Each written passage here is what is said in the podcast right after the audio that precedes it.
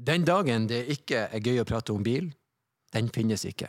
Heldigvis skal det snakkes om bil i dag også, og jeg er på plass i Bjørvika, i hovedstaden, sammen med min uh, makker Stein Pettersen. God dag, sør. God dag. Vi står jo her i showrommet til Bertil Osten, og ja.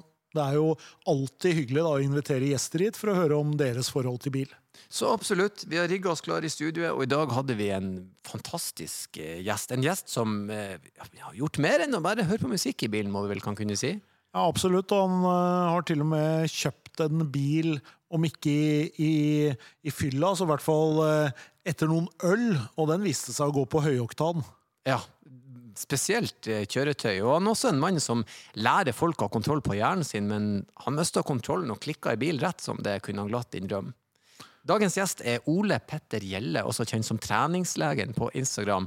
Eh, foredragsholder, lege, eh, hjernesterk, forfatter. Eh, Usedvanlig bra prat om bilen, må jeg si. Men før dere får høre den praten, så blir det noen ord fra vår sponsor. Klar for et nytt og spennende forhold? Lyst på en leken partner som setter stillhet og komfort i førersetet? Barn er ingen hindring for denne modellen. Baksetene kan justeres individuelt for maksimal fleksibilitet. Du får det beste fra begge verdener i en Citroën C5 E-Cross plug-in hybrid med 55 km elektrisk rekkevidde. Trives vel så bra i byen som på langtur. Vi kommer alle med ulik bagasje. Her er det plass til mellom 460 og 600 liter. Gå inn på citroeng.no og ta kontakt for en uforpliktende prøvekjøring. Hashtag ladbarsuv søker kontakt.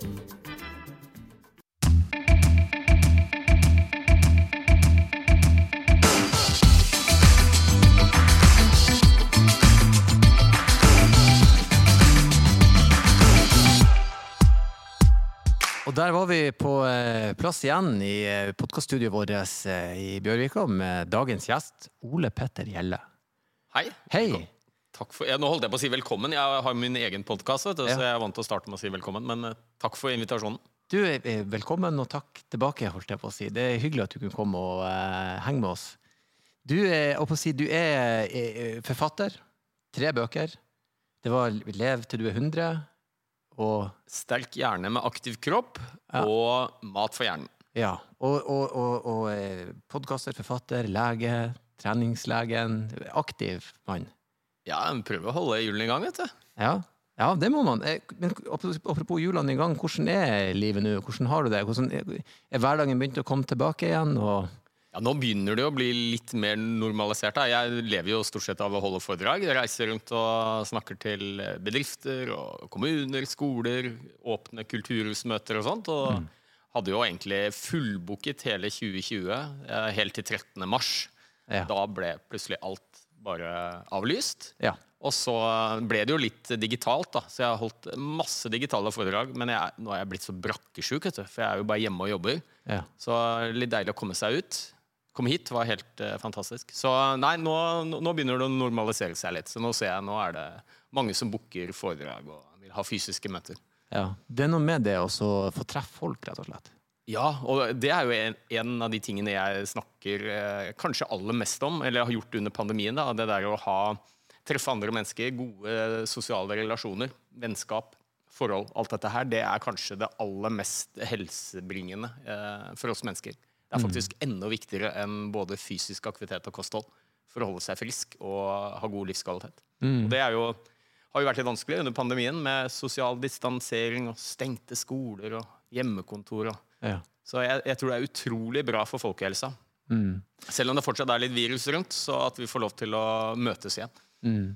Sånn, det, er et sikkert utrolig vanskelig spørsmål, sikkert umulig å svare på. Hvis vi ser bort fra liksom, den virusbiten, hvis vi tenker oss det mentale i det, eller hvor lang tid tror du det tar før vi er tilbake igjen og slutter å være småredde og distansert? og hvor lang tid tar det før vi he, he, si, heler opp igjen som, som folk og sjel igjen? Ja, jeg, jeg, tror det tar litt tid, og jeg har jo sagt det en del, har vært en del i media under pandemien. og sagt at Jeg har jo full forståelse for alle disse restriksjonene som myndighetene har pålagt oss. De har mm. vært eh, viktige for å bremse spredningen av viruset. Men jeg, jeg tror jo bivirkningene ved å leve sånn over tid, som vi har gjort over et år, det er, det er mer skummelt for helsa vår enn viruset. Uh, spesielt dette med sosial distansering. Uh, vi ser også at folk beveger seg mye mindre i hverdagen. Uh, mange sover dårlig, det er mye grubling og bekymringer. det, det er skadelig for oss på sikt, altså. Så um, jeg, jeg tror dette kommer til å gå, gå bra, men jeg tror det kommer til å ta eh, ganske lang tid altså, før vi er liksom helt i gjenge igjen. Selv om viruset og nå vi er vaksinert. Og, så jeg tror de bivirkningene vi har levd sånn eh, som vi har gjort ganske lenge, kommer til å sitte i litt. Mm. Ja, ja, vi får gi det. Vi får gi det tid. Men eh, ja, å si, eh, eh, foredragsholder og, og podkaster og lege og det veldig mange hatter. Men det vi, jeg og Stein, lurer mest på, er vel kanskje Er du et bensinhue, som vi kaller oss? Altså sånn bilinteressert? Eller nei, kanskje? Jo, jeg vil jo si at jeg er litt over gjennomsnittet bilinteressert. Mm -hmm. ja. Så har det jo blitt, faktisk blitt mye mer bilkjøring enn det jeg hadde trodd uh, siste året. Jeg tenkte at nei, nå skal jeg bare være hjemme og jobbe, men uh, jeg har kjørt mye bil, altså ja. allikevel. Ja vel, så er det sånn overraskende er det i, i, forhold til hva du gjorde før? Er det si, pandemien som har endra det? Mindre flyging, mer kjøring? Ja, nei, altså har det vært Jeg, jeg har tre barn. Mm. Og, og, så har det jo vært liksom stengte aktiviteter og skole og sånn, så vi, vi, har prøvd å være litt på farta, da. Ikke bare, bare sitte hjemme. Prøvd å komme oss litt ut. Så da det har blitt mye bilkjøring med tre barn i eh, baksetet. Mm. Mm. Du som er en sånn eh, helsefremmende mann, eh, er det sånn at du lar bilen stå på korte turer og går, eller? Eh? Ja, du, her er det liv og lære, vet du. Det er to helt forskjellige ting. Og jeg, jeg, snakker veldig mye om det. For folk som har lyst til å bli litt mer aktive i hverdagen, så prøv å tenke på bevegelse som, eller trening som transport. da. Mm. Skal du til jobben, og det er ikke så veldig langt unna, kanskje gå dit, sykle. Det, det snakker jeg veldig mye om. Det vi kaller sniktrening. altså Kombinere det med transport. Jeg er ikke så god på det selv, vet du. Så jeg tar meg i det noen ganger og setter meg i bilen og kjører til nærbutikken som er 300 meter unna. Mm. ja da. Nei da. Det, det er også, jeg syns jo det er litt stas å kjøre bil. Så jeg er glad i å løpe, men jeg liker jo å kjøre bil. Så. Ja. Jeg er veldig glad i å kjøre bil. Mm. Så ja, men Det er bra. Det er jo et godt utgangspunkt, i alle fall i denne podkasten. Absolutt. Eh, hvordan var det når du, når du liksom ble 18 år? Tok du førerkort med en gang, eller venta du litt? Nei, du, nå skal du høre her. Skjønner du. Altså, jeg kjøpte min første bil i 1985. Jeg er født i 1970. Så kan du gjøre regnestykket. 15 år. Så da var jeg 15. Så um, ja, jeg eh, gikk på skole. Jeg bodde i Oslo litt i, ja, i, Oslo vest, og så gikk jeg på skolen nede i byen. Og så hadde jo alle kompisene mine fått moped, ikke sant? og det hadde jeg også. Så jeg tenkte jeg, faen, eller moped, kan ikke vi heller klemme til å skaffe oss en bil, da? Så jeg og en kompis kjøpte en 1969 eh, eh, folkevogn, boble, i 1985 fra et gammelt ektepar. De, og vi sa jo at vi var 18, selvfølgelig. 5000 kroner. Så vi eh, kjørte altså rundt i den bobla fra vi var 15. Og det var jo ikke bra, selvfølgelig, men uh, Det var nå det det var? Det var nå det det var, og det gikk helt fint. Helt til jeg møtte min mor i uh, trafikken. Sto ved et lyskryss. Skulle, hun skulle til venstre, jeg skulle rett fram. Og så hørte jeg plutselig bare noe sånn banking på vindusruta. Så det var mora mi som så sin 15 år gamle sønn i en bil. Hun ante selvfølgelig ikke at jeg hadde kjøpt bil. Men, men det, vi hadde jo det utrolig mye gøy, altså. Og jeg var en sånn fyr som Jeg drev og løp eh, mye og var aktiv, så jeg drakk ikke noe alkohol. For øvrig. Noe man ikke har lov til i den alderen, men det er jo mange som gjør det allikevel. Mm. Men kompisene mine var jo glad i det, så jeg endte stort sett om som sjåfør. da. Ja. Så jeg hadde jo bilen full av kompiser, kjørte til fest og var på festen. Og jeg drakk ikke, og så heiv de inn i bilen igjen, og så kjørte vi wow. hjem igjen. Så, um, og så flytta jeg til USA da, da jeg var 16. Mm. Da tok jeg lappen i USA. Så jeg har hatt førerkort siden jeg var 16, men kjørt siden jeg var 15. Dette, du er faktisk, Din bilhistorie er identisk med singer-songwriter Christian Ingebrigtsen sin. Han kjøpte ei boble i en alder av 15, kjørte opp i USA eh, og starta å kjøre biler. Så eh, dette er for oss eh... Ja, altså var det, det, var jo veldig, veldig kult, fordi at eh, jeg slapp jo så billig unna den oppkjøringen i USA. Jeg, jeg kunne jo kjøre bil, jeg hadde kjørt bil. Det kunne jeg jo ikke si at jeg hadde gjort, da, men de var jo så overrasket over at jeg ja. Og så er det jo I USA er det jo veldig lett. da. Du skulle lukeparkere, og det var jo mellom to sånne markører som sto sikkert 50 meter fra hverandre. Du kunne parkert en leddbuss imellom. Ja. Så det var ganske enkelt å få førerkort. Mm. Men første bilen var altså ei boble? Første bilen var en 69 boble, ja. Mm. Til 5000 kroner. Og den uh, styla vi og mekka og hadde utrolig gøy med den. Ja. Så flytta jeg til USA. Uh, var på sånn utvekslingsstudent, og da kom jeg til en vertsfamilie. Jeg ante jo ingenting om dem, men uh, de hadde en 69 Mustang, oh. som ble min skolebil. Så uh, i to år da i USA mellom jeg var 16 Nei, jo, 16 og 18, Mm. så kjørte jeg altså rundt i en 69 Mustang. Du, livet er ikke så dumt når du er 16 og kjører rundt i en Mustang Nei, det var helt konge. Det må ha vært helt ellevilt. Ja, det var det. Det er jo sånn som man drømmer om når man Ja, er 16 her til lands. Wow. Ja, det er en særdeles fin bil. 69 Mustang. Det er vel gjerne den man vil ha som samler. Er ikke det av de mer populære? På 70-tallet ble de litt mer rar i formene igjen. 70-tallet er litt kjedelig, og så er det jo selvfølgelig eh, sånn 65 og sånn, som er liksom den, eh, Ja.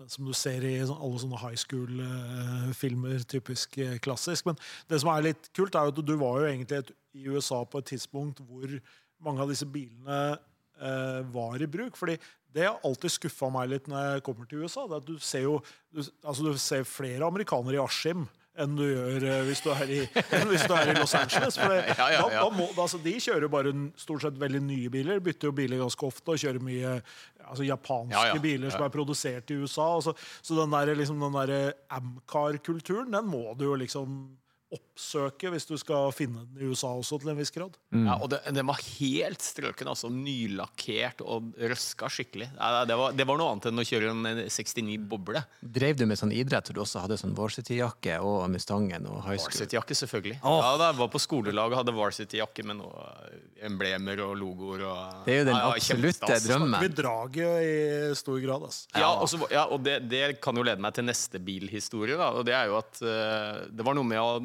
å være europeer i USA. Drive med idrett, hadde kul bil. Fy fader, jeg ble jo så poppis vet du, som jeg aldri hadde vært hjemme. så, eh, nei, så jeg har mye gode bilhistorier fra USA.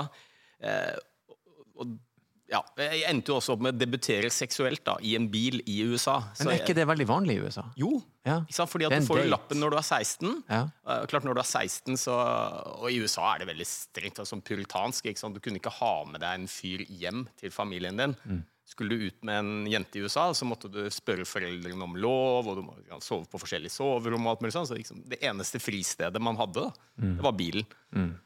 Så det, der debuterte jeg seksuelt. I Nord-Norge hadde... gjør vi ikke det. Ved, ingen kjører bil når de er 13, så der er vi tidlig på. Ja. Nei, Men, men det var ikke en så fin bil. Det var ikke Mustangen, altså. Det var en Isuzu. husker jeg. Så det, Jo, jo, men første gangen er jo overvurdert. Ja, da, jeg husker ikke så mye av bilen uansett. Det er jo helt nydelig. Men, men vi må jo bare sånn til oppfølging. Du kjørte opp i USA, men hvordan ble det når du kom hjem til Norge igjen? Konverterte du over der, eller bare glei det inn i Nei, du, da måtte jeg jo bytte til, til norsk førerkort. Og det var også en litt sånn interessant sak, for jeg eh, var utvekslingsstudent i Arizona. I ørkenen. Der er det jo glovarmt. ikke sant? De har jo ikke sett snø eh, noen gang. Og så kom jeg hjem til Norge og så gikk jeg opp på, opp på Økeren tror jeg, for å bytte inn mitt amerikanske førerkort i et norsk et. Og så sa hun ja, skal vi se, USA, jeg får se på førerkortet ditt. eh, For du vet at eh, i Norge så må vi ha glattkjøring. Mm. Så det kommer litt an på hvilken delstat du, eh, du har tatt førerkortet ditt i USA. Og så sa, ga jeg henne førerkortet, og så sier hun Arizona, ja. Ja ja, det er der det er så kaldt og, og sånt. Og jeg bare ja ja, ja ja. ja. Så hun eh, forveksla jo det med Alaska. Så, eh, og jeg protesterte selvfølgelig ikke, så, så jeg fikk jo førerkortet, jeg. Arizona og Alaska, det er ganske to forskjellige Ja, og jeg husker jo godt at jeg betalte 12 dollar og 50 cent for førerkortet mitt i USA. For å kjøre opp i 1986.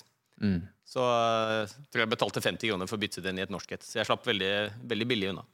Ja, det er forferdelig billig. Som sagt, Vi har bare hatt en gjest før som følte som en rute, og det er, det er fryktelig billig. Nei, det, det, er- det, er- det er bra. Eh, eh, første bilen var i boble. Andre bilen en Mustang, rett og slett. Ja, jeg hadde Mustangen så lenge jeg bodde hos den familien, og så ble jeg et år til i USA. Så da, så da måtte jeg skaffe meg min egen bil, for da hadde jeg ikke lenger tilgang på den. Så da um, kjøpte jeg en, Det er ikke en bil jeg har sett mye her hjemme, da, men Volkswagen Scirocco. Ja. Litt sånn sports... Uh, Sportsgolf. Ja, Ja. sportsgolf. ja. 1000 dollar, husker jeg.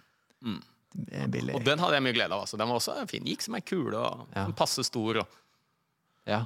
Den er litt sånn hot hatchback, er det ikke det? Litt sånn, ja, stemmer det. Den, eh, den var ikke jeg, jeg, vet om den, for det gikk en av den i Bodø, en Scirocco. Den var ja, spesiell, liksom. Ja, jeg Alle kan ikke huske å ha sett den veldig mye her hjemme, men den var ganske populær i USA. Mm. Spesielt for de på min alder. Ja, Da har han jo på en måte lagt litt lista da, når vi kommer dit at vi skal prøve å finne ut hva han kjører i dag. Ganske bra spredning da, fra boblevin Ja. Mustang til Scirocco. Selv om uh, vi merker jo en liten sånn dragning mot Volkswagen her. Men det kan jo hende at, det har, at han har blitt uh, bedre med åra. Vi får se. Ja, det er mulig. Vi, vi skal som sagt som Stein sier, prøve å finne ut hvilken bil du kjører. Og jeg vet ikke om du vil at jeg skal starte opp eh, ballet. Du får begynne, synes jeg. Vi gjør litt sånn notater underveis. Vi har hatt en ganske bra strik i det siste. Jeg skal, jeg skal begynne med, med et spørsmål som er blitt veldig vanlig å stille som åpner. Eh, bilen din, er det en elbil, eller er det fossilbil? Eller er det begge? Det er en elbil. Det er en elbil. All right. Det snevrer jo en del, eh, litt. en del ting inn, og da pleier vi gjerne å spørre oss om, eh, om er dette en bil som folk flest ville plassert i, i et sånt premiumsegment, eller mer litt sånn folkelig segment? Nei, nå skulle jeg jo gjerne Jeg liker jo å framstå som litt folkelig, men uh, på, på kanten i øvre segment av folkelig over mot uh, premium, kanskje. Ja, og så vet jeg ikke om skal Om det hjelper dere eller ikke, men, men eh, jeg har jo litt lengre bilhistorie i USA. Altså, så- jeg har jo bodd i USA i mange år og um, kjørt en Ford Explorer Ja. V8-er. Ja. Den var jeg veldig glad i. Ja. Det, det tror jeg er min favorittbil eh, gjennom alle tider. ja. Faktisk eh, Så den hadde jeg i ti år. ja. Ja, Ja, Det, det kan være 5-10 lang og 205 brei, eller noe sånt. ja den, den er svær. Og, og, og suger bensin, altså. Ja, den er en huge bil. Ja, og den, den husker jeg, den betalte jeg 15 000 dollar for i USA. Ja. Hadde den i USA i fem år, og så skulle jeg flytte hjem til Norge. Og så tenkte jeg kanskje jeg kan ta den med hjem. Jeg hadde jo lyst til å ha med den bilen hjem. ikke sant? 15 000 dollar kostet den. Så skjønte jeg at det kostet rundt 1000 dollar å putte den i en container, få den til Norge via båt. Så skulle jeg bare sjekke hvor mye avgifter det var. da. Ja. Ja, 359 000 i avgifter. Så da, da skrinla vi det ganske kjapt. Det ble ikke den. Det ble ikke det. Da er det greit å snu. Du har lagd den i premium. Jeg skal spørre, den bilen du kjører i dag, er det en, en, en eh, europeer eller en amerikaner? Det er en europeer. Ah. Og da, Stein Vi har en europeer i det Vi har en premium europeer. ja. Um, da er det vel ganske sannsynlig at det er en bil du sitter litt høyt i, kanskje? Ja, jeg sitter ehm, Jeg vil si sånn ja, mellomhøyt. jeg, jeg vil si mellomhøyt. Eh, vil dere vite hva slags bil jeg hadde tidligere, før jeg kjøpte den? Eller, er, eller blir det juks? For, Kan, den, eh, ja. for, for den satt jeg høyere i, nemlig. Å ja, akkurat. ja. Men de her L-SUV-ene er jo sånn litt midt imellom. Både Mercedes og Audi sin er jo eh, Og også Volvoen, men den tar vi eh, er jo også sånn mellom Det er ikke en offroader, egentlig. Det er jo en eh, litt høy stasjonsvogn. Så jeg tror, eh, jeg tror jeg skal spørre om det er en tysker du kjører i. Det er en tysker. Det er en tysker. Ja, ja Stein, da er, vi har fire spørsmål igjen her. Ja, vi har jo det, for så vidt. Jeg tror vi er innafor nå. Ja. Eh, er det plass til flere enn fem personer i bilen? Eh, ikke hvis du skal kjøre lovlig. Nei. Alt er mulig, skal du si. Underforstått det har vært mer enn fem i den. Men eh, nei, det er en bil for fem. Ja. Jeg tror jeg skal begynne å gjette nå. Merker. Jeg tror vi er kommet til det punktet. Eh, jeg skal rett og slett spørre om du kjører E-tron. Jeg gjør det, altså. Ja. Ja da.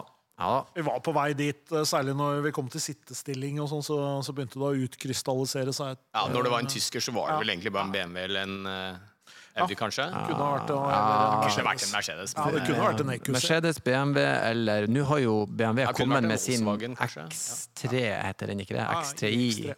Men den er jo, de har jo priser, den Den er ikke folkelig priser. Nei. Mercedes og, og Audi er jo mye mer fornuftige priser i forhold til BMW. Jeg kjører òg en E-tron. Ja, så det er en E-tron 55. eh, elbilene syns jeg er veldig morsomt. Men du har jo hatt, og det er jo interessant, du har jo hatt eh, Den Forden din var, er jo, er jo en, en Altså Han sluker jo hvalbabyer og spønn, sund, Ja, ja. selunger. Han raserer jo naturen. Det er jo helt jævlig. Det er Ja da, det er en versting. Ja, det er en ordentlig miljøversting. Hvordan, hvordan var den overgangen til såpass mye motor til, til el for din del? Nei, du, det, gikk jo litt gradvis, da. For det, det var jo ikke Da jeg flyttet tilbake fra USA, så hadde jeg først en Audi A4 en stund. Bensin eh, vanlig. Og så um, gikk jeg vel over til en um, XC90. hybrid. Ja. Ja. ja. Så hybriden det var liksom inngangs... gradvis gått fra fossil til litt sånn kombi til el. Mm. Ja, og jeg var litt uh, Kona mi har en uh, e-Golf, og um, den, den kjørte jeg litt, med da fikk jeg sånn utpreget rekkeviddeangst. Mm. Fordi den, eh, der- kunne det stå at det var 100 km igjen, og så kjørte du 5 km motorveien, så var det plutselig 60 km igjen. Ja. Så der havna jeg litt sånn uh, Stranda en del eh, ganger, men den Audi E- E-tronen kan du stole på, altså. Ja, Stein har jo det beste navnet på den der eh, Han kaller det for jetometeret. For elbilene enda de også beregner seg litt ut ifra kjøremønster på hvor mye du har igjen. Så- Så det kan plutselig variere veldig mye. Sånn, shit, har jeg Og jeg har opplevd å ha lav rekkevidde, og så skal jeg langt, og så begynner jeg å kjøre, og så vokser rekkevidden basert på mønsteret mitt. Du, og jeg gjorde et sjakktrekk uten å egentlig å vite det. fordi eh, den første uken jeg hadde min nye bil, så eh, da, da var jeg litt sjuk, så da fikk jeg ikke kjørt bilen, så jeg lånte den bort til en kompis. Så han kjørte faktisk den første uken med den bilen, og kjørte mye til Oslo. Og det viste seg at han hadde jo kjørt som et svin. Ja. Sånn at han hadde så aggressiv kjørestil. eh, Så når jeg begynte å kjøre bilen, så fikk jeg jo 50-60 flere kilometer enn det som sto på. Ja. Så mm. ja, for el er sånn at hvis du er glad i å kjøre litt eh, aktivt, så blir det kort rekkevidde, altså. Det er jo egentlig sånn generelt. Hvis du skal kjøre Sånn var det antageligvis med, med V8 her nå. Hvis du tror på litt, så gikk det jo en god del mer fuel. Det var bare at uh, du kunne bare stå på fylle, så det var jo veldig enkelt sånn sett. da. Og bensin i USA er jo også Du, det var greit. Supersympatisk. Da jeg, eh, da jeg kjøpte den eh, Ford Exploreren, så kostet én gallon, 3,8 liter med bensin, kostet 79 cent. Oh, hallais! Så det var liksom 10, 10 maks 15 dollar å fylle opp hele, hele tanken. Så det, var, det gikk fint. Men jeg må jo si, jeg har jo eh, Jeg har nå en liten periode kjørt en, en sånn ID4, og forbruket på de litt små elbilene der Det er jo, helt- det er jo sånn 16 kroner måneden eller noe. Det er jo helt eh, Og det er det som for meg òg, at det er så komfortabelt å stille. Men jeg, jeg har motorsykkel, så jeg får den lyden og den lukta når jeg trenger det. Men så har jeg den der komfortable. Så, og det forbruket er jo Ja. Stein er ennå ikke helt Det er så miljøbevisst, Erlend. vi er så glad for det, at du, at du tar det ansvaret. At eh, utelukkende er det, at det er miljøet som står i sentrum for deg når du velger bil. Ja, det er bare miljø. Det er ikke det faktum at det er skinnseter og 450 hester. Det er miljø. Jeg tenker på selungene. Det Ja, ja, ja. Nei, men du, det er litt morsomt det der med bil, da, for jeg, jeg holder veldig mye foredrag om hjernen og hva er det som påvirker valgene vi tar. da. Og så liker vi mennesker å tenke at vi er rasjonelle vesener. Når vi skal kjøpe en bil eller nytt hus, eller, sant, så er det en del sånn rasjonelle argumenter. Hva er det som er viktig for deg når du skal kjøpe en bil? Jo, det er pris, og det er drivstoffsøkonomi, og kanskje litt miljø, og en del sånne praktiske ting. da. Men det er jo ikke det som avgjør hvilken bil vi havner i. Det er jo, ikke sånn, det er jo den følelsen du får når du setter deg bak rattet. Og vil, Ja. altså, hadde alle kjøpt bil basert på fornuft, så hadde vi kjørt en Skoda alle sammen. Mm. det gjør vi jo ikke. Heldigvis, da. For Nei, vi, ja, som med, vi som driver med bilimport, så er det fint at det er, Ja, eh, litt at det er litt følelser involvert også, for ellers hadde det blitt ganske kjedelig. I Norge så har det jo vært litt sånn nå at det har vært rekkevidde, pris, plass har egentlig vært Det Sikkerhet, det har har trumfa alt, egentlig, Ja, på en måte. Men nå når det begynner å komme et stort utvalg, så ser vi jo at kundene også bruker mer den følelsesmessige delen av beslutningen. Ja, og, og det tenker jeg er litt viktig hvis du skal selge bil også. Ikke, ikke, ikke bare snakke om alle disse gode rasjonelle argumentene for hvorfor du bør kjøpe denne bilen. Fordi det blir trumfet av uh, følelser. Men jeg syns også vi skal unne oss den. Sånn som hvis, eh, eh, siden vi begynte med podkasten, hvis jeg er ute og går tur og ser en kul bil, så tar jeg bilde og sender det til Stein. Og så skriver vi om det, og så får vi en, det er en belønning. Det er en bra måte å dyrke noe som er spennende og artig. Ja, ja. Og det syns jeg man nå skal unne seg. Hvis alt har vært fornuftig Mm. Jeg kan du si det, jeg har jo en bil til, da. Jeg, og den eh, hadde dere også kanskje klart å gjette. Men eh, jeg, jeg satt i USA for noen år siden. Hadde skikkelig kjærlighetssorg. Jeg var der og hoppa fallskjerm med noen kompiser. Og så hadde vi tatt noen øl på kvelden. Og så drev vi, var inne på eBay. Ja. Og han, han var litt nedfor også. Kona hadde gått fra når vi satt der og i sånn ja, gravøl. Ja. Og så plutselig så dukka det opp noen veldig kule biler da, inne på, på eBay. Og så så vi en Ford Mustang 69 som hadde blitt bygget om, brukt i drag racing med 450 hester, gikk på jet fuel, og det var ikke måte på, den var helt strøken. Og den lå vel ute for eh, 50 000 dollar, eller noe sånt. Og så sto det også at 'must sell'. Så vi tenkte nå også at nei, fader heller, kan ikke vi bare legge inn et sånn realt skambud, da, og så ser vi om, om vi får den. Ja. Og jeg tenkte jo ikke at vi fikk det, da. Og så la vi inn et bud på 10 000 dollar. Ja. Og så kom det tilbake deg. Gir, gir du 11, så får du den. Halloi! Og han hadde brukt 60 000 dollar på han. Han var lidenskapelig opptatt av bil og country. Og så hadde han eh, skilt seg, fått en ny dame, og hun hadde stilt et ultimatum. Det er enten meg eller bilen. For hun var livredd for den. da. Så han måtte selge den bilen. Ja. Så da, dagen etter så satt vi da med en Ford Mustang 69 til oh. 10, nei, 11, 11 000 dollar. Men som står i USA. Nei, du, eh, vi kjørte den rundt i USA ja. ganske lenge, og den var helt Den var så drøy. Eh, gikk jo så fort, vet du. Og, og lagde jo så jækla mye lyd. Ja. Så um, vi kjørte rundt med den, ble stoppa en del ganger av politiet. Men ikke fordi vi hadde gjort noe gærent, fordi politifolkene gjerne ville ha blitt tatt bilde av sammen med den bilen. De syntes den var så kul. Ja. Det, men det er det du vil ha litt òg, når du har en sånn bil. Ja, selvfølgelig. Og det var helt strålende. Og så tenkte vi nei, men det, det var jo en veteranbil, så Mm. den kan vi jo ta med hjem. Og kompisen min er svensk, jeg er selvfølgelig norsk. Så vi vurderte skal vi ta den til Sverige eller skal vi ta den til Norge. Lang historie kort så viste det seg at eh, det var ikke originalmotor på den. Og det likte ikke Biltilsynet her hjemme, så da var det masse avgifter. Men Mm. Sverige, det var grei skuring. Det var 1000 svenske kroner pluss eh, shipping. Som Mm. var 1000 dollar. Så nå, nå står den i Sverige. Så jeg besøker han, da. Han er veldig glad i å mekke, så han mekker og står på den bilen. Og så har jeg en sånn uke hvert år hvor vi er i, Sverige og kjører Mustang. Dette er faktisk helt fantastisk, for vi har et fast spørsmål i eh, programmet som heter Pick me up-bil hvis du blir dumpa, eller Ja, ja. hva kjøper du? Og svaret ditt er en jetfueldrevet Mustang. Yes. Som politiet stoppa deg for å ta bilde. Det, det er jo helt nydelig. Stein. Og så er jo dette er jo bildeling helt etter min smak, i hvert fall. Da. Ja da. er jo en perfekt måte å eie en bil på. Det er å, altså En sånn type bil er å eie sammen med noen andre. For du har jo ikke tid til å bruke den bilen hele tida uansett. Så hvis du har noen som du, er, eh, som du har et bra forhold til, så er det jo helt optimalt å ha en sånn bil sammen. Ja, og for meg er det jo helt fantastisk. Han er jo bilkyndig, så han mekker og styrer og fikser den bilen. Da, vet du. Så han, han, var jo, altså han har fått seg en ny dame, da, og det var jo sånn han eh, Og det var mens bilen var i USA, så han tenkte fy fader, dette er kult nå. Og hun nye dama hun hadde alltid hatt lyst til å putte surfebrett på taket, kjøre til stranda i en Mustang. Ja. Og han hadde rigga og fiksa stativ på taket til eh, til surfebrett. Hadde Bruce Springsteen eh, på kassettspilleren eller CD-spilleren i bilen. Og rigga og styrt. Venta to uker på at hun skulle komme. da. Så kom han til USA, han hadde alt klart. og Inn i bilen og starta han. Og så sier hun nei, den bråker rent altfor mye. så hun satt al- al- aldri i den bilen, så det ble hans bil og min bil. Ja, det er deilig. Ja, det er deilig. Men du, du, du sa litt om det. Han er bilkyndig. Er du bilkyndig? Hvor går grensa for hva du gjør sjøl? jeg er ikke, ikke bilkyndig. Jeg er ikke noe sånn teknisk uh, Jeg skifter dekket. Ja. Men det er faktisk Å sette på ski, boks og stativ og sånt. Ja. Der, der stopper det. Veldig mange av de vi har innom her, de setter jo til og med grensa med før skiftdekk en gang. De bruker dekkhotell og får det gjort der, liksom. Men du, du gjør det sjøl. Ja, og jeg merker, da føler jeg meg litt som mann. eh, når jeg skifter dekk. Ja. jeg gjør det manuelt, altså skikkelig. Eh, manuell jekk og Ja. gammel nøkkel. Og, ja. Det tar jo ikke så lang tid, da. Halvtimes tid. Ja. Jeg skal gladelig innrømme at jeg drar på dekkhotell. Jeg vil ikke bli skitten på hendene. nå. så det ordner jeg egentlig sjøl. Hvordan ser du ut i bilen din? da? Er du, er du ordensmenneske? Nei, det liksom? ser ut som et rent helvete. Ja. Ja, Oi eh, men det er veldig sånn periodevis, for jeg, jeg liker egentlig å ha det ryddig. Men det blir sånn at du tar ting inn i bilen. Jeg har jo også tre barn, så det er treninger og treningsutstyr og, alt mulig. Og så går det en uke, og så blir bilen bare fullere og fullere og fullere.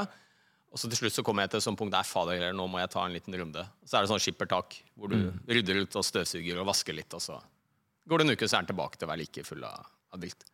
Men det fine er jo at nesten uansett hvor jeg drar, hvis jeg mangler noe, så finner jeg det i bilen. Litt mat, noe treningsutstyr, Ja. eh, ligger en PC inni der. Så jeg, jeg har alt jeg trenger. Ja. ja da, det, det er sikkert veldig praktisk. Jeg, jeg kjenner jo at jeg krøller tærne mine når du sier det. Jeg, jeg liker at min bil er, er der skal det. Men jeg har en familie, og de gjør sånn som du. Det, det, er, det er et slags, et slags fremskutt lager av huset vårt. Ja. Der de har eh, alt mulig på lur. Så, Fin bod, da. Ja, for all del. Det er jo en, en bod med skinnseter. Og, Og, og det er jo mye plass. Altså, det er utrolig hva du får plass til i en sånn bil. Så ja, det er jo, Vi har litt lite bodplass hjemme. Så bilen er litt bod, altså. Den er det. men du sa noe om det, for vi har en til liksom, sånn lakmustest. av, eh, Takboksen, eh, kjører du rundt med den tom, eller tar du den av når du ikke bruker den? Jeg har skibuksen på fortsatt i dag. Uh, og jeg hadde en unnskyldning veldig lenge, fordi jeg skulle opp til Jotunheim og gå en sånn topptur i, i uh, begynnelsen av juni. Og, og sa jo at ja, da kan det jo tenkes at jeg møter på noe snø. Så uh, jeg har faktisk vinterdekkene og skibuksen på fortsatt. Ja, ja, men da Du har jo for så vidt en grunn, da. Så det, det rasler med litt ski eh, inni der. Vinterdekk begynner å bli grenseland nå. Ja, det er meldt 30 grader til uka. Jeg regner med det er piggfri. Ja, ja. ja, ja, ja. Men det er er Det er faktisk De piggfrie er, er mer støysvake enn eh, sommerdekk. Ja. Faktisk. Jeg merker forskjellen når jeg er over. Og jeg liker eh, Men stemmer det at du bruker mindre strøm på, med vinterdekkene enn sommerdekkene? Nei, ikke nødvendigvis, altså, fordi at eh, eh, vinterdekk er jo ofte mykere Ja. enn en sommerdekk. Særlig sånne elbilsommerdekk som, ganske, som har fokus på at de skal være lettrullende. Ja. Så det kan nok hende at det kan være sånn Hvis du sier at du liksom er i juli da, og tenker at nå har jeg sommerdekk, nei, nå har jeg vinterdekk på, er jo fortsatt en stund til vinteren, da, da går det an å bytte. Ja, jeg tenkte kanskje jeg kunne dra miljøkortet her og si at nei, jeg kjører med vinterdekk fordi jeg bruker litt mindre strøm. Og, Største utfordring er jo at vinterdekk har ikke så veldig godt av å gå på i sommerføre, fordi at eh, den gummien blir litt sånn ødelagt av det. Så det er, det er kanskje det, største problemet. Ellers er det ikke noe, det ikke noe farlig, liksom. Men jeg, tenkte litt på at uh, du er jo en fyr som uh, lærer andre hvordan de skal bruke hodet. Altså, ikke sant? Hvordan de skal tenke og kanskje være litt rasjonelle og sånn.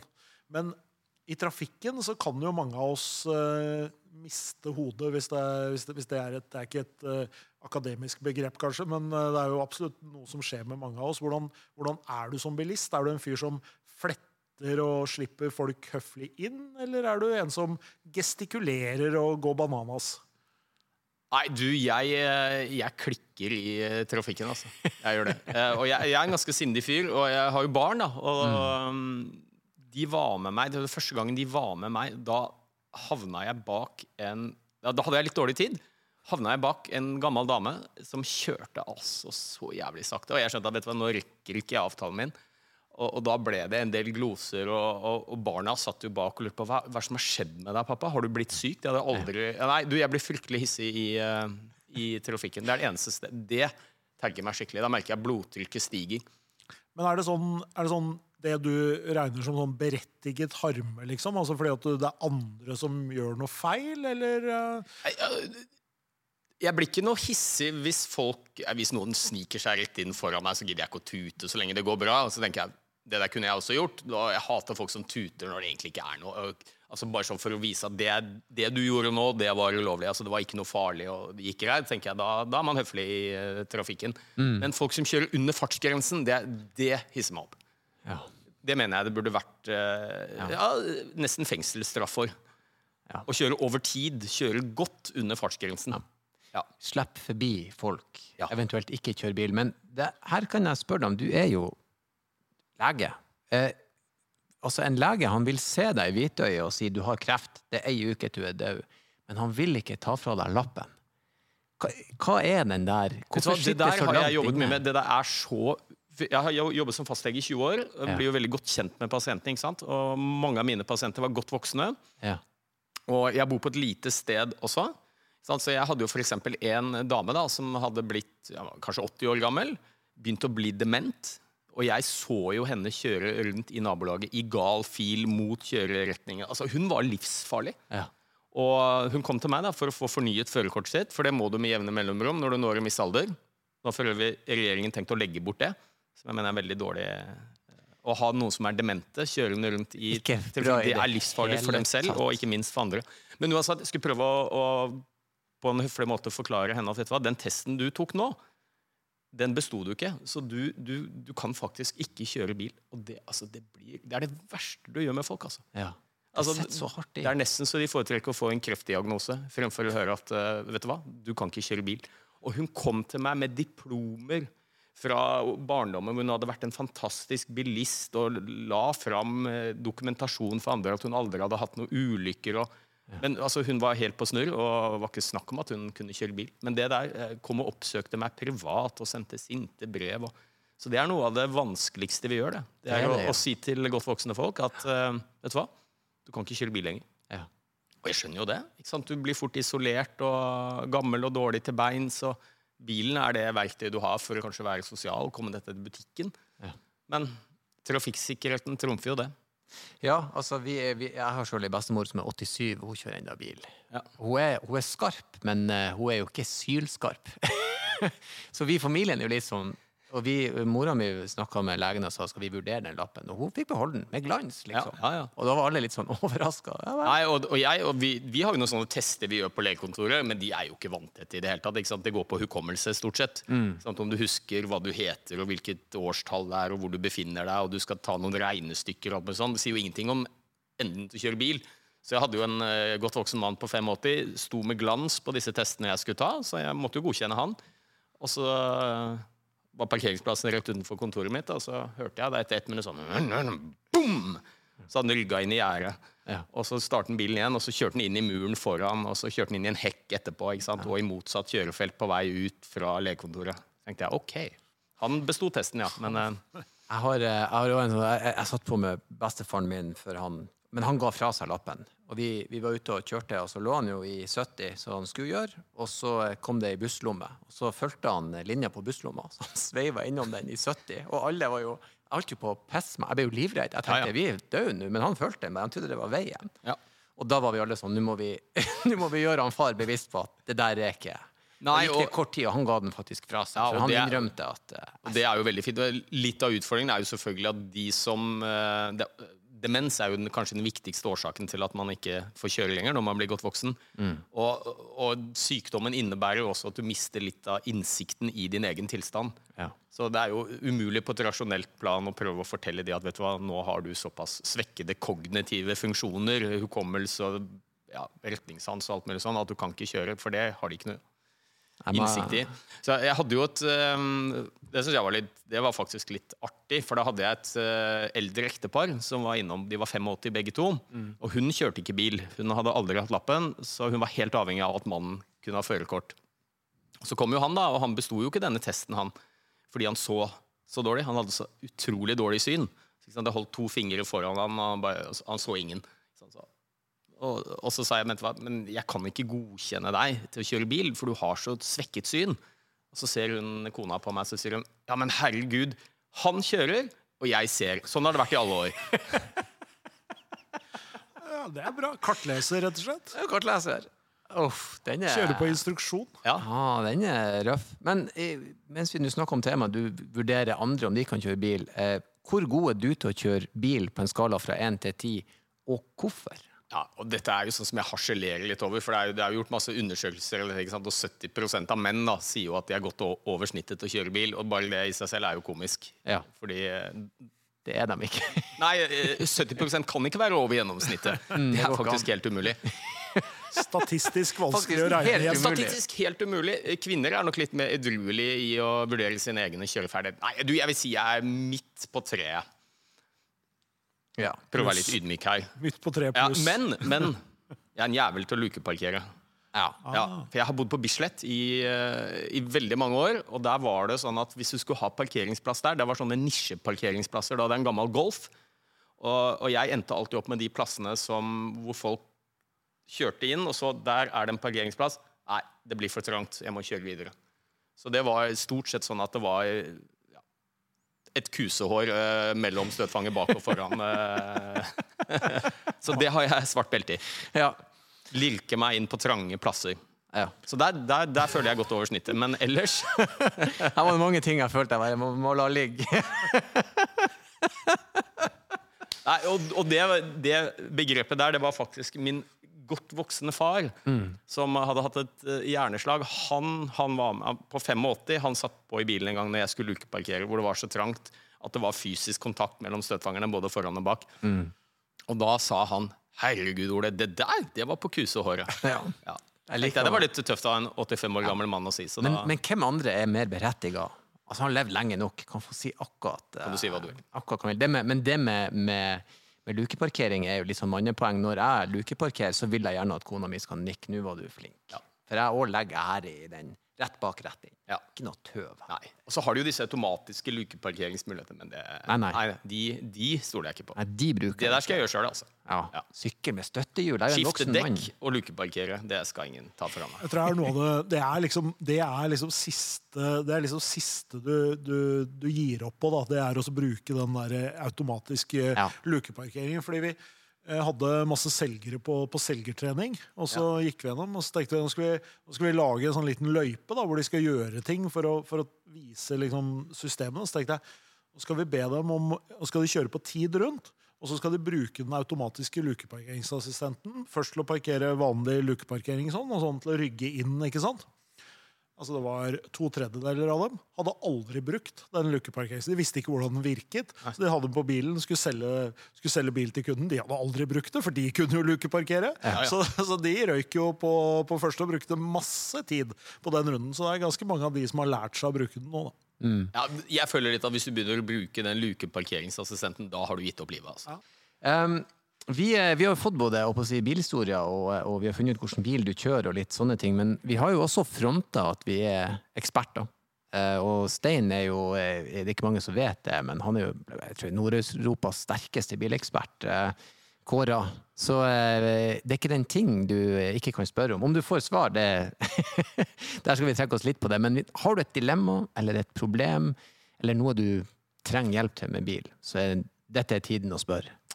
Ja, eh, ikke noe så voldsomme ting, men eh, alle, alle disse nye bilene de er jo veldig sånn mye tekniske finesser og duppeditter og, og kommunikasjon mellom telefon og Så jeg har ett problem med min, eh, min E-tron, og det er at det stadig vekk kommer opp feilmeldinger på displayet, og jeg får ikke skikkelig kontakt mellom telefon, app og bilen.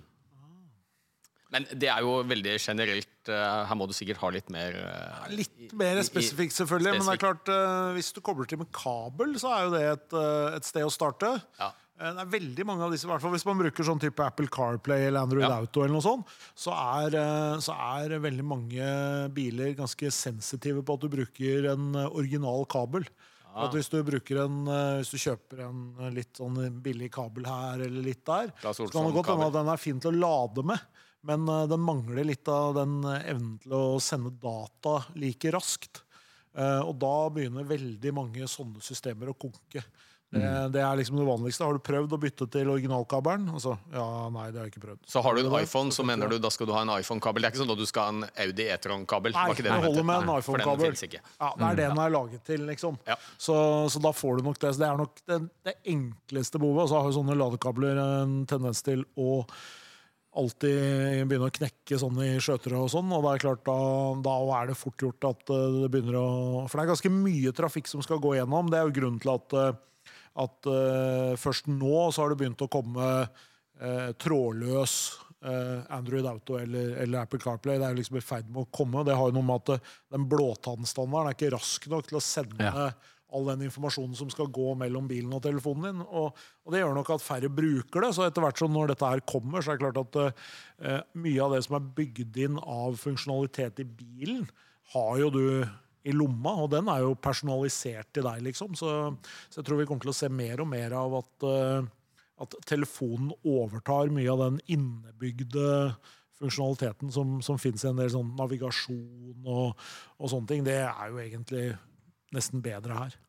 Ja, faktisk. Eh, Det eneste eh, tipset til det Stein sa, er at eh, jeg oppdaga at jeg har mye sånn bilder lagra på nummer. og så Eksempel på kona mi så har jeg sånn hjerteikoner og sånne ting. Og Det skjønte jeg ikke bilen hva var. Og da bare slutta han å ta det med. Så måtte du fjerne hjerteikonet. Ja, så sa de gå gjennom telefonlista, fjern sånne ting. Du er Og, søt. og da, bingo, da funka det. Ja, ja. Så jeg bare sånn, shit, var liksom ikke verre. Og så eh, i dag bilene også eh, hvis, eh, Sjekk om du har siste oppdateringer. Det har jeg oppdaga på enkelte biler, hvis ikke softwaren er oppdatert. For det, det er jo akkurat som en iPhone. Det er helt ellevilt. En gang i uka så kommer jeg inn, ja, der er han oppdatert. Også. så, da kan man sjekke siste software. Ja. ja, men det er bra. Da- da skal jeg bytte til original kabel. Men jeg har et annet spørsmål. og det er Hvordan minne deg selv på at du faktisk har sykkelstativ på taket med en dyr sykkel eh, der oppe? Jf. dette med parkeringsgarasjer og under bro, bruer og sånt. Spør du for en venn, eller? Har du skrell, skrella? Jeg spør for en venn som for noen år siden uh, kjørte for å hente sykkelen sin uh, ved togstasjonen. Satt den oppå helt ny karbonsykkel, og um, etter 30 sekunder så kjørte den under togbrua, som da er 2,50 høy, kanskje. Kan det, Ja. ja, det kan jo hende å henge en sånn Han ble liten, veldig lei seg. en liten sånn plastbit foran på, på forhjulet som du ser i frontruta. Kan kanskje være en, eh, være en god idé, men det er vond, den lyden. Det er den vondeste lyden min kompis da fortalte meg at han noensinne hadde hørt. Og der, Det var en rød karbonsykkel, helt splitter ny. Og Det er fortsatt røde merker fem år etterpå i den eh, tog... eh, Eller undergangen der. Og løste vennen problemet, reiste og kjøpte en ny. Du, vet du hva, Det var helt fantastisk, for han vennen han hadde, Dette var jo en sykkel, en Trek, som for øvrig merket til Lance Armstrong. Den gangen han uh, juksa seg til syv Tour de France. Og den hadde livsstilsgaranti. Oh, ja. Altså si at Hvis du tryna med den sykkelen, og rammen knakk, så fikk du ny ramme.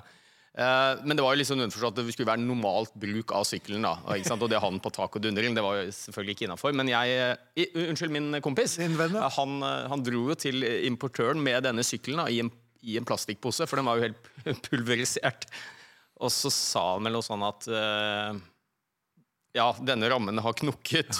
Ja, det sier jeg, sier han karen. Og, og, men, men du har vel ikke syklet på den, for da hadde du vel neppe stått her.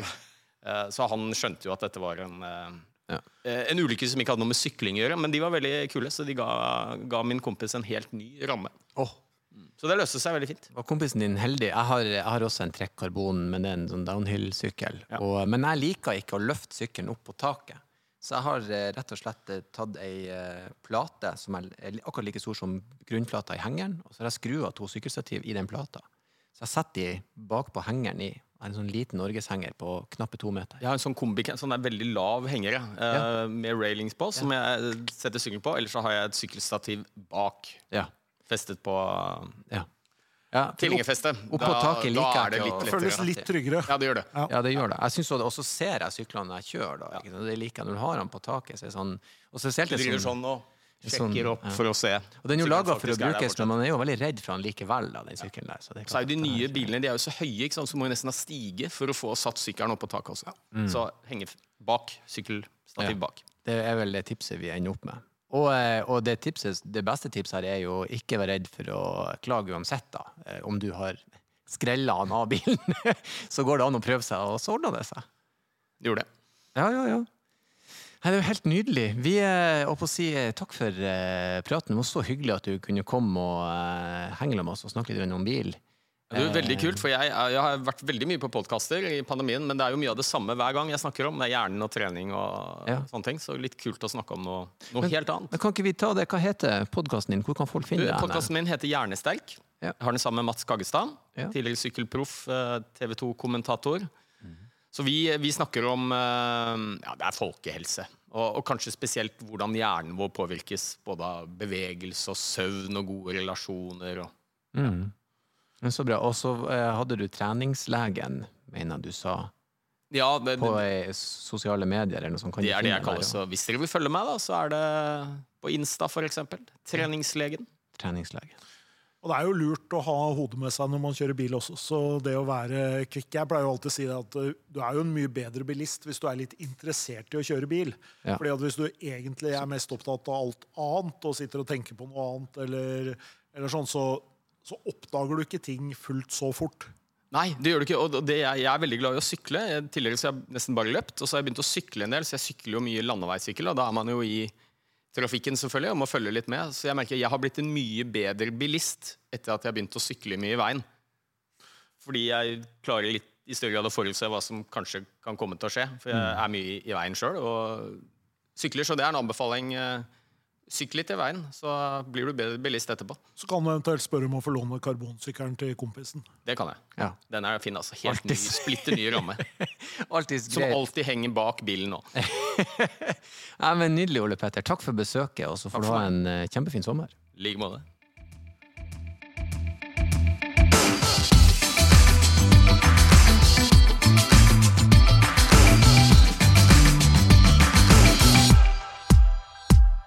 Hei, folkens. Eh, Jeg hoppa inn på slutten som jeg bruker å gjøre, og minner om at dersom dere har spørsmål, historier eller noe dere vil dele med oss, gjester dere vil vi skal invitere, så kom med de. Send en e-post til bakrattet at bertelosten.no.